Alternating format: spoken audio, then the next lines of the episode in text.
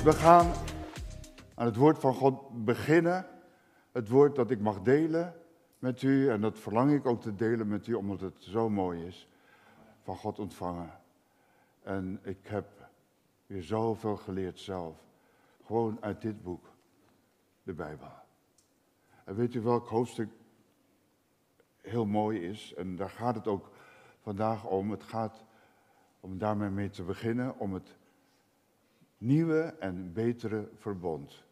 In vergelijking met het oude verbond. Dus oud tegenover nieuw. En heel veel, heel mooie dingen, heel verduidelijkende dingen vindt u echt, heb ik ook gevonden in de Hebreeënbrief. Echt, dat is zo mooi en zo duidelijk. En dan begrijp je ook uh, wat het verbond inhoudt dat God gesloten heeft met de mens. En bijzonder het nieuwe laatste verbond, maar dat heeft eeuwigheidswaarde. Het duurt tot in alle eeuwigheid. Het nieuwe en het oude verbond.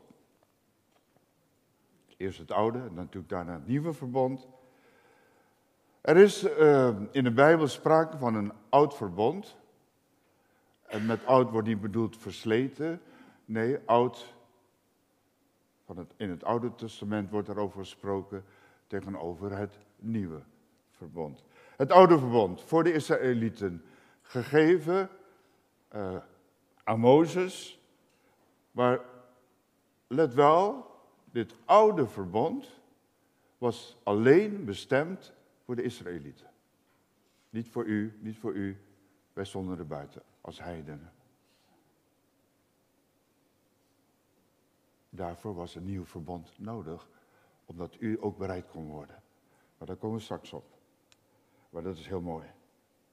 Daarop volgt dus een nieuw verbond, maar dan in Christus Jezus. En dan voor alle volkeren. Met een nieuw verbond van God zelf gegeven. Hij is de auteur van het verbond. God zelf verving het nieuwe verbond, nee, verving het oude verbond door het nieuwe verbond. God zelf heeft dat ingesteld. Maar vanuit het nieuwe verbond, zoals ik dat ook heb bestudeerd, klinkt er een duidelijke uitnodiging. Kom tot het nieuwe verbond. Kom in verbinding met God. Want het nieuwe verbond houdt zoveel moois in. En daar zullen we nou gedeeltelijk maar van horen. Want het houdt zoveel meer in dan ik vandaag kan uitleggen. Halleluja. Maar er is een roep ook vandaag, daar begin ik al mee. Stap in het nieuwe verbond. Weet zeker dat u staat in het nieuwe verbond. Het is niet zo, om misverstanden te voorkomen, ik ben een kind van God, ik ben bekeerd, dus ik sta in het nieuwe verbond. We kunnen kinderen van God zijn, maar toch nog leven in het oude verbond. Van wetten, regels. Dat wat bewezen is goed te zijn. Maar u zult vandaag begrijpen dat het oude verbond, het was nodig om dat te vervangen.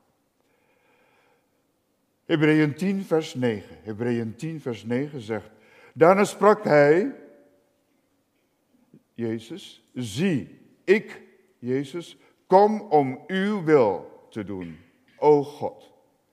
Hij neemt het eerste weg om het tweede daarvoor in de plaats te stellen. Dat zegt Gods woord. Het tweede in de plaats van het nieuwe, uh, het, van het oude. Het tweede in plaats van het eerste. Het nieuwe in de plaats van het oude. Gods instelling. Denkt u dat dat nieuwe verbond minder waard zal zijn dan het oude verbond?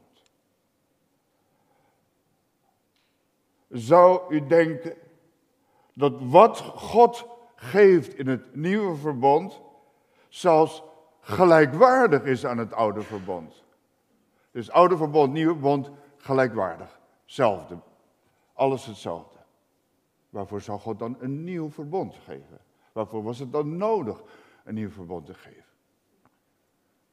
Oké, we hebben het net al gehoord. Oude verbond voor de Israëlieten, nieuwe verbond voor iedereen. Oké, dat is een heel belangrijk verschil, tuurlijk. Maar als dat alles is, dan is het bijna gelijkwaardig qua inhoud. Halleluja. Het nieuwe van God, dus ook dat nieuwe verbond, is altijd beter dan het voorgaande. Kinderen Gods die al zo lang in de Heer zijn met mij samen. Blijf niet hangen aan het oude. Want dan bent u iemand die zich vasthoudt aan het oude verbond van wetten en regels. Maar het oude verbond was belangrijk voor de Israëlieten voor het uiterlijk leven. Kijk, fariseeën, schriftgeleerden, uiterlijk, dat was belangrijk. Innerlijk. Het oude verbond sprak niet het hart aan van de mensen, van Israël. En deed daar dus niks. Niks van verandering, vernieuwing. Alleen uiterlijk. Weten vanuit verbond, hoe moet ik leven? Hoe moet ik leven in deze maatschappij? Uiterlijk. Het oude verbond raakte, bewerkte alleen maar het uiterlijk leven. Een verbond, we zullen daar straks nog meer van horen. Een verbond wordt gesloten tussen twee partijen. Altijd. Dus nooit een verbond dat bestaat uit één partij. Dat kan natuurlijk niet. Twee partijen. En die spreken met elkaar af bij de sluiting van het verbond, of de opening eigenlijk van het verbond, het sluiten van het verbond, maken ze, de afspraak, maken ze afspraken die beide partijen, waar beide partijen zich aan moeten houden om samen sterk te staan en om het, van het goede te genieten die het oude verbond in zich heeft. Dat is een verbond. In grote lijnen natuurlijk. Het verbond dat God via Mozes aan het volk, met het volk Israël sloot, het eerste verbond dus, bestond bestond uit wetten, tien geboden, uh, regels. Wat ik zei, uiterlijk. Dat was belangrijk voor de mensen die toen leefden. Wat is voor u belangrijk? In de tijd waarin u leeft, is het belangrijk dat de mensen u goed vinden, geestelijk vinden, horen u bidden, halleluja zeggen. Want dat geeft toch aan hoe geestelijk je bent als je halleluja zegt? Nee. Het, het moet van hier komen. Hier moet er eerst iets gebeuren. En dat is de uitwerking van het nieuwe verbond. Halleluja. Het oude verbond, het eerste verbond, was ervoor om de mensen, de Israëlieten, dus bekend te maken met wat God zondig zag. Als overtreding van de wet.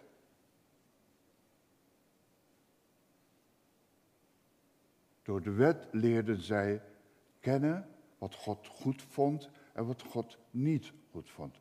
Punt uit. En daar moesten ze zich dus aan houden natuurlijk. De kern van het eerste verbond was, ik zeg het in mijn eigen woorden, maar het zullen zeker de woorden van God zijn geweest in zijn hart. Ik ben jullie God en jullie zijn mijn volk. Door mij speciaal uitgekozen uit al de volkeren. Ik heb jullie lief en zal daarom altijd met jullie zijn en voor jullie zorgen. En dat heeft hij ook voor het volk Israël gedaan, dat heeft hij ook bewezen.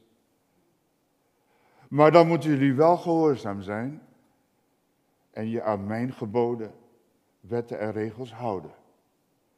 En als jullie dan toch mijn wetten ongehoorzaam zijn, breng dan offerdieren bij het altaar. En ze krijgen op zo op die manier verzoening weer met mij. Maar omdat Gods volk steeds maar bleef zondigen hardnekkig, noemde God zijn volk Israël. Bleef er geen offer meer over. Er was geen offer meer dat voldeed. Voor verzoening met God. En de onverzoende zonden stapelden zich dus op. En vormden een scheiding, een scheidingsmuur zo hoog, tussen het volk Israël en God. Zo hoog dat God niet meer voor dat volk te zien en te horen was. God hield zichzelf stil. 400 jaar. Dat is de tijd tussen het Oude Testament en het Nieuwe Testament. 400 jaar hoorden ze niets van God. Geen woord. Dat is ook de tijd tussen het einde van het oude verbond en het begin van het nieuwe verbond, waar we dadelijk van, meer van zullen horen. Maar omdat God de mensen, zijn schepsels notabene, zo lief had en hen miste aan, aan zijn hart, dicht bij hem, kwam hij met een ander verbond.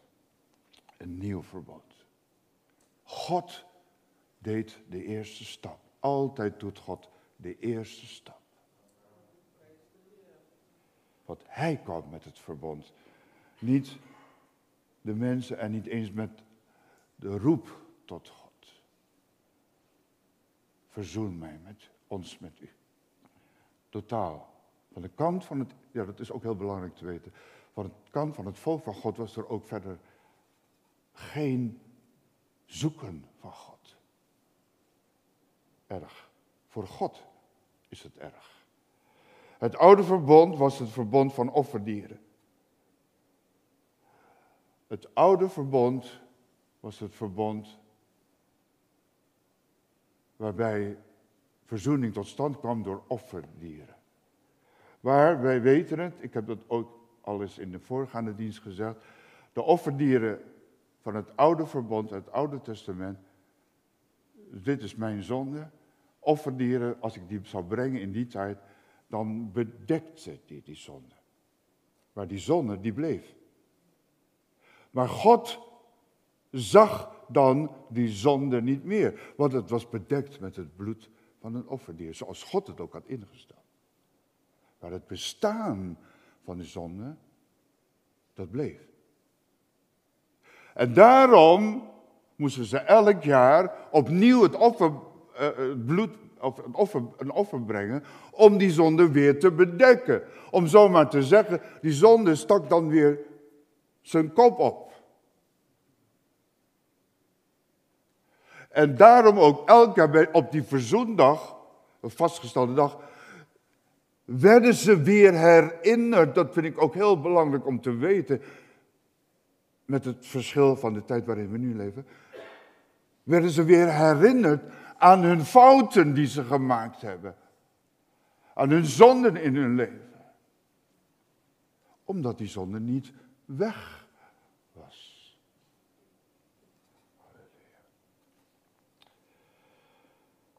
Halleluja. De mensen konden alleen ervoor zorgen dat de zonne uh, bedekt was. De kracht van die zonde konden ze niet teniet doen. Die bleef. Het bloed van offerdieren nam die zonde dus niet weg. De mensen zelf moesten hun uiterlijke levensstijl veranderen. Moesten ze zelf doen uiterlijk, want daar ging het toen om, zelf doen, zoals het toen geldende verbond hen voorschreef. Maar het hart van de mensen, nogmaals zeg ik dat, dat is een heel groot verschil. Het hart van de mensen bleef onaangeroerd. Daar veranderde niets in. Niets, niets, niets. waar God in zijn grote liefde en genade, die toen vrij kwam door dat verbond. God wilde nu een verbond waarbij door genade vergeving beschikbaar was. En als God vergeeft, er staat ergens ook in de brieven van Paulus, dacht ik, misschien de Johannesbrief ook, dat hij heeft ons vergeving geschonken, namelijk verlossing van onze zonden. Dus vergeving, lieve mensen, dat is ook heel belangrijk om te weten. Vergeving houdt in verlossing. Vergeving houdt niet in, ik heb gezondigd, ik vergeef mijn Heer. En dan komt het weer naar boven.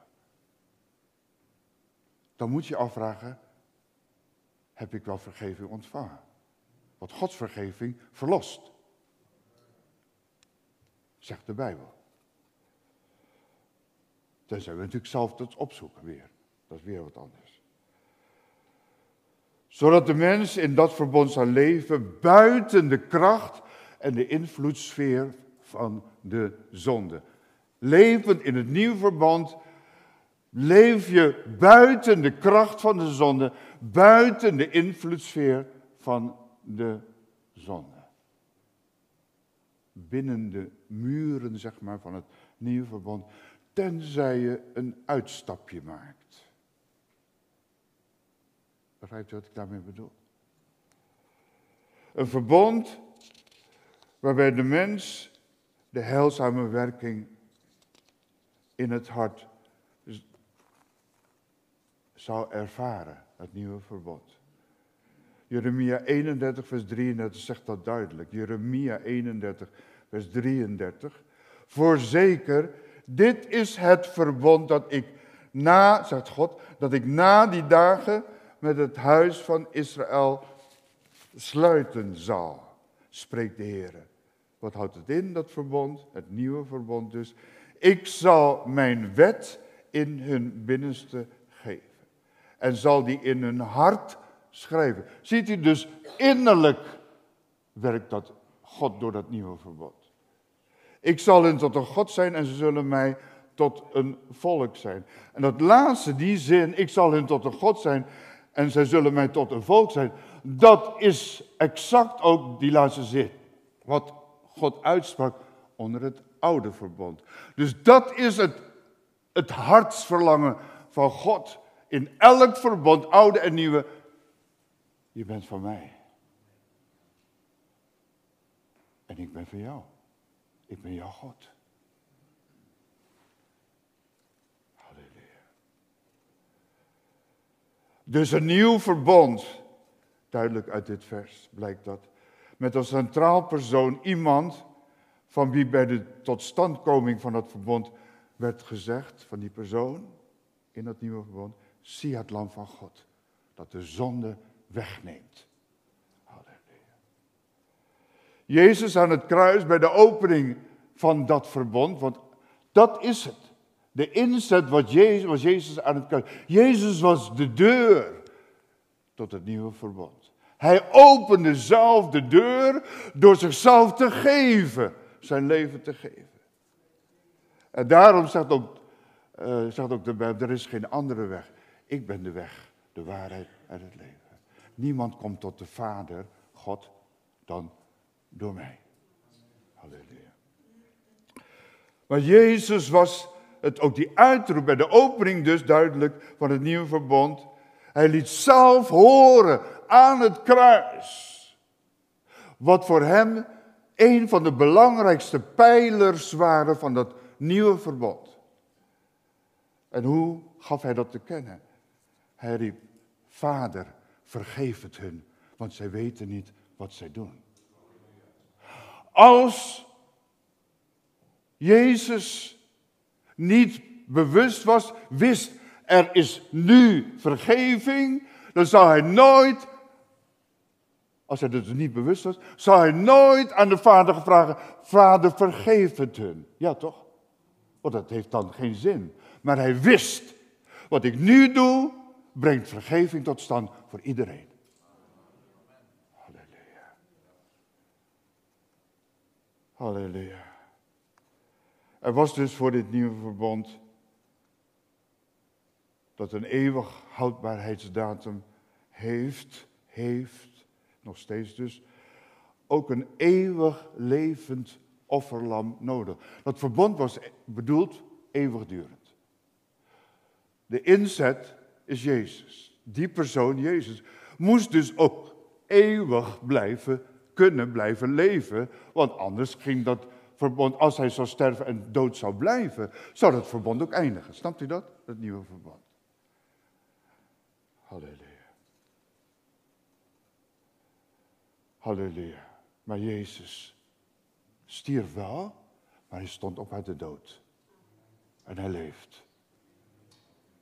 En zo geeft hij, uh, hoe zeg je dat? Mag ik dat zo zeggen? Gaf hij verlenging aan dat nieuwe verbond. Tot de dag van vandaag. De dag waarop u vandaag leeft. Halleluja. Door het offer van Christus. Halleluja. Halleluja. Alleen Jezus was die persoon die dat oude verbond kon openen, kon in stand kon houden. En daarom werd Jezus, Gods zoon, uitgekozen door zijn eigen vader om zijn leven te geven. Dat is liefde. Hij gaf alles. God de Vader gaf alles wat Jezus was, zijn alles. Jezus gaf zichzelf alles van hem. Gedreven door liefde voor jou, voor jou. Alles. Wat geven wij hem terug? Alleen iedere mens die van dit nieuwe verbond heeft gehoord en dit van God heeft geaccepteerd voor zichzelf, niet alleen kennis, maar Kennis die, om maar zo te zeggen, afzakt naar je hart, jouw verborgen leven. Alleen als je Jezus daarin accepteert en voor jezelf neemt en daar een plaats geeft, dan ga je leven in dat verbond. En die heeft alleen toegang tot de eeuwigheid met God. Als je dus kennis van hebt genomen. Hè? Mensen die dat niet weten, maar eens komt er een dag, zegt de Bijbel, dan is het evangelie over de hele wereld verspreid. En dan komt Jezus. Dat zegt de Bijbel. Dus iedereen komt er mee in aanraking. Dus iedereen die dat Jezus accepteert, die heeft toegang tot de eeuwigheid met God. Door de werking van het bloed hier beneden. Ja, er is een voorbereiding nodig.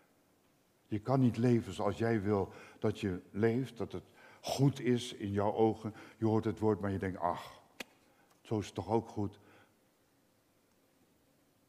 Leven, je streven moet zijn. Met vallen en opstaan, tuurlijk, we zijn allemaal mensen. Streven om de wil van God te doen.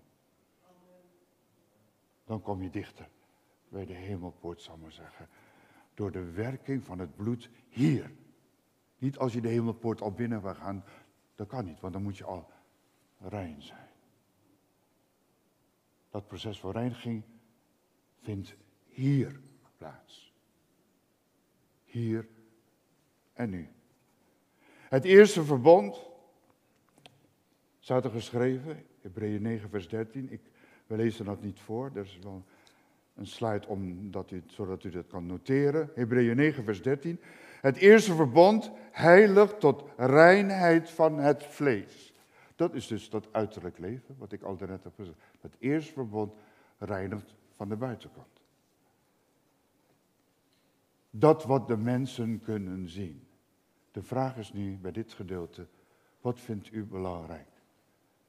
Hoe de mensen u vinden, wat de mensen van u zeggen en denken, of wat God van u zegt en denkt. Oude verbond, nieuwe verbond. Daar heb je alweer de keuze. Waar kiest u uit? Het tweede nieuwe verbond, Hebreeën 9, vers 14. Hoeveel te meer, allemaal heel duidelijke teksten. Hoeveel te meer zal het bloed van Christus, die door de eeuwige geest zichzelf smetteloos aan God geofferd heeft, uw geweten reinigen van dode werken, zie daar het innerlijk leven, om de levende God te dienen. Dat laatste is ook heel belangrijk. Het, hoe moet ik het netjes zeggen en niet veroordelend klinken. De reinigende werking binnenin ons, als God werkt binnenin je, in, onder het, oude, oh, het nieuwe verbond, dan ga je automatisch, dat hoort erbij, dat, dat, dat, daardoor word je gestimuleerd. En nu wil ik wat voor God doen. Dat staat hier. Dat zegt dus Gods woord.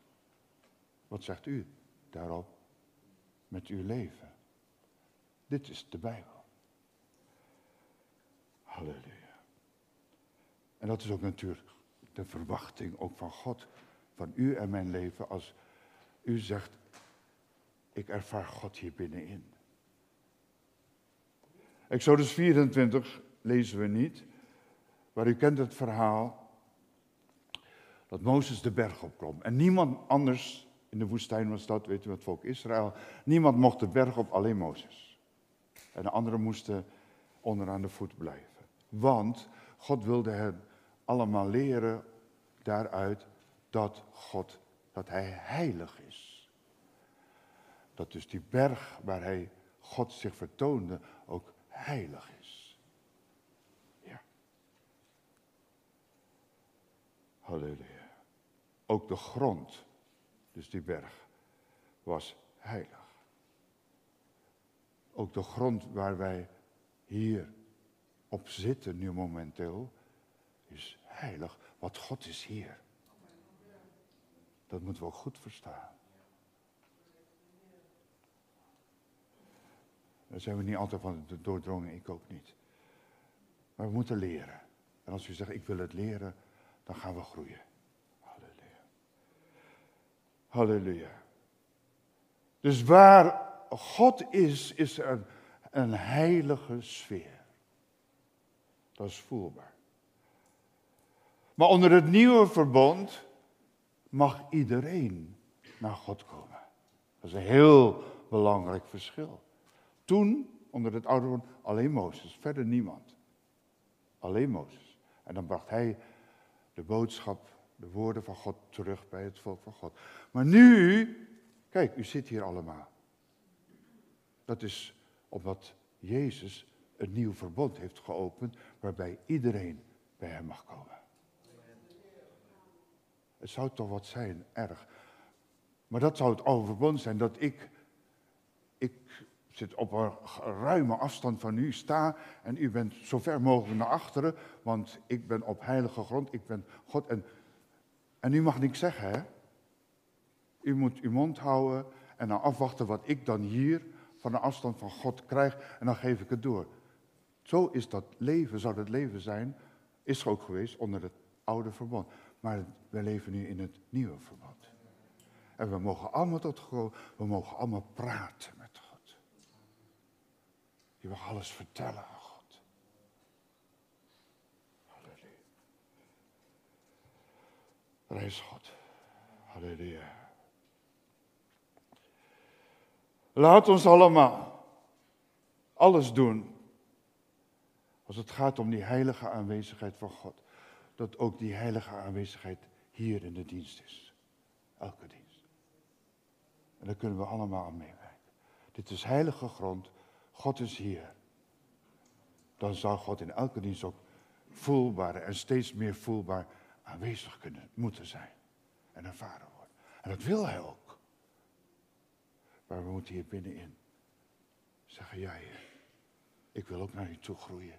En naar je toe groeien kan alleen als ik dingen loslaat. En het is de moeite waard. Je wordt er niet armer van, je wordt er niet saaier van, je leven. Je wordt er rijker van en je wordt er blijer van. Ja, niet altijd blijdschap. Oh nee, laat me je uit de droom helpen, zeker niet. Maar als je in een moeilijk pakket zit, dan weet je naar wie het kan gaan. Om weer die blijdschap en kracht te ontvangen.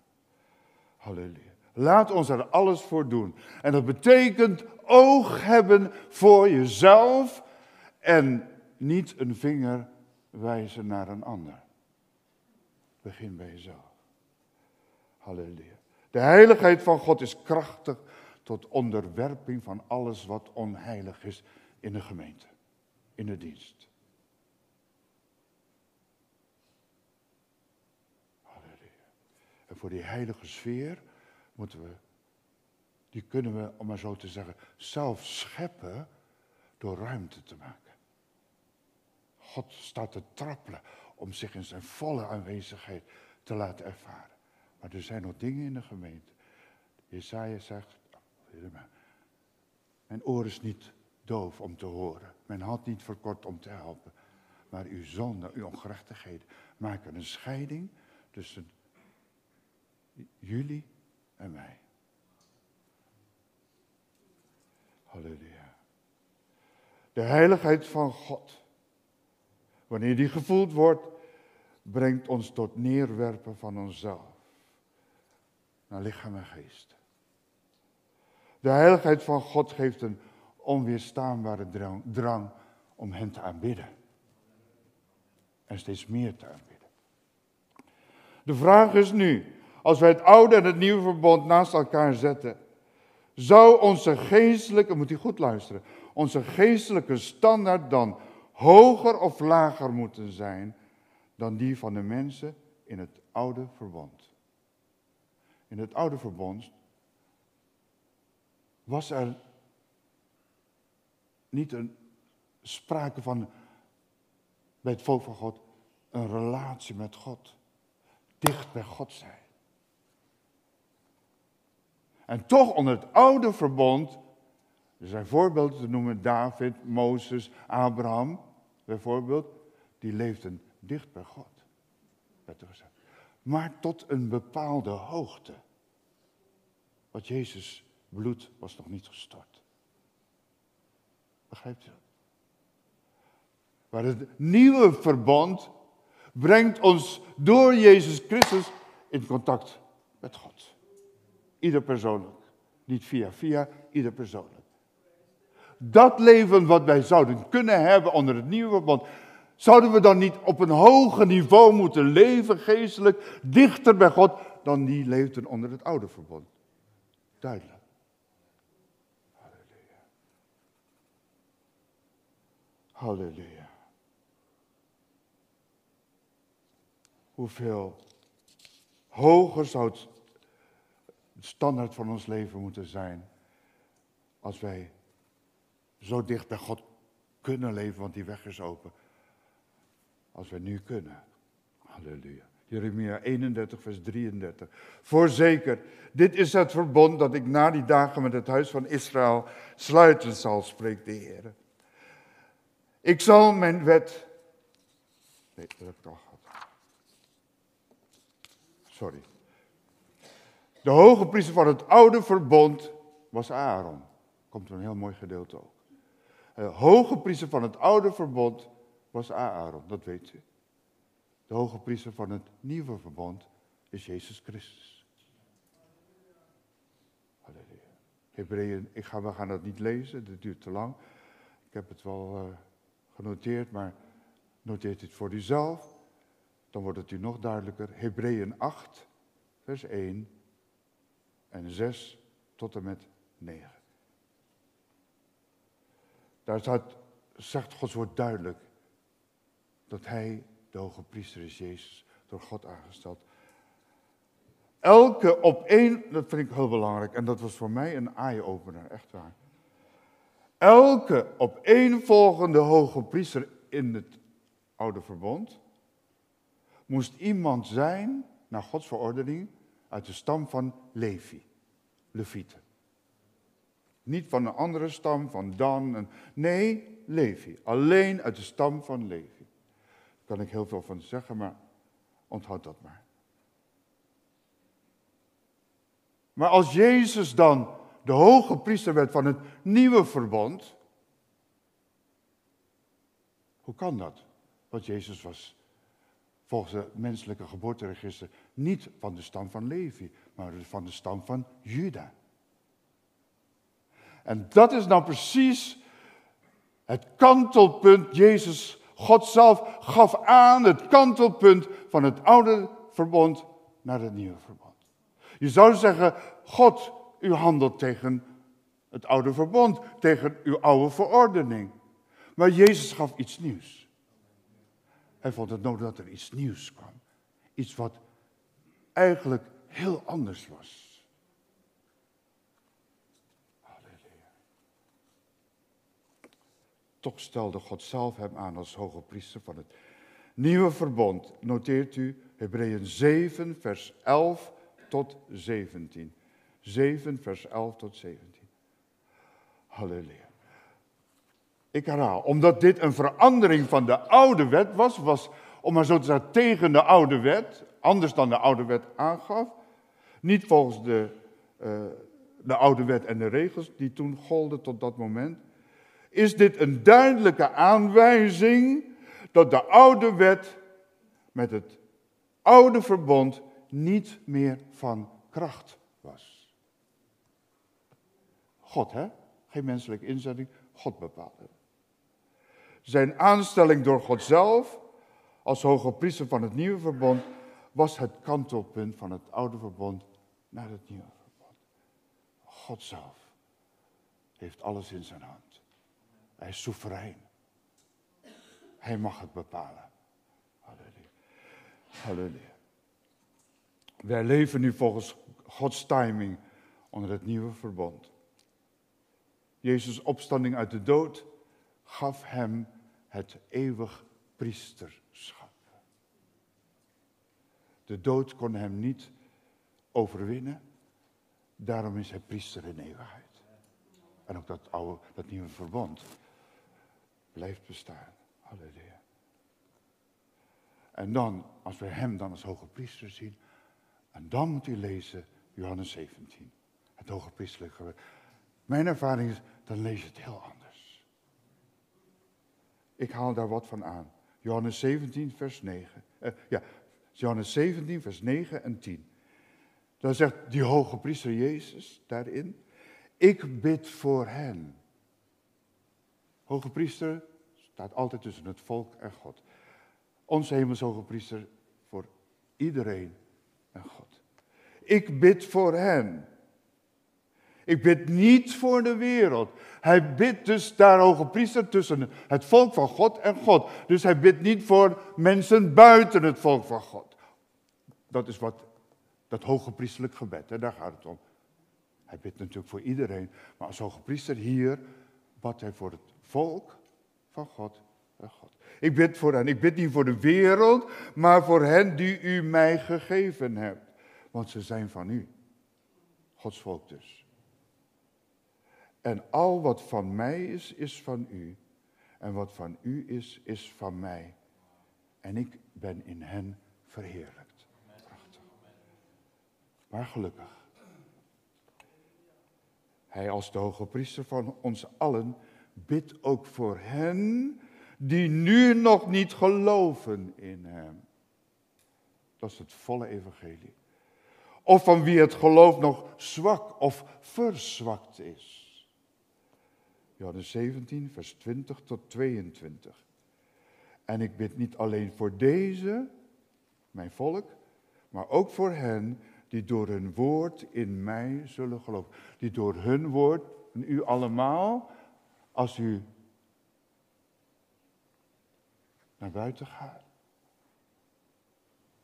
Het team dat naar buiten gaat. Hij bidt ook voor hun allemaal daarbuiten die door uw woord spreken over hem. Halleluja. Die door hun woord in mij zullen geloven, opdat zij allen één zullen zijn zoals u, Vader, in mij en ik in u. Dat is Gods hartverlangen. Dat ook zij in ons God de Vader, God de Zoon en God de Heilige Geest ons één zullen zijn in het nieuwe verbond is. Opdat de wereld zal geloven dat u mij gezonden hebt. Wat een kracht in het evangelie van Jezus Christus. Halleluja. Kracht tot geloof. Maar dan moeten we ook staan in het nieuwe verband. Staan in het geloof in Jezus Christus.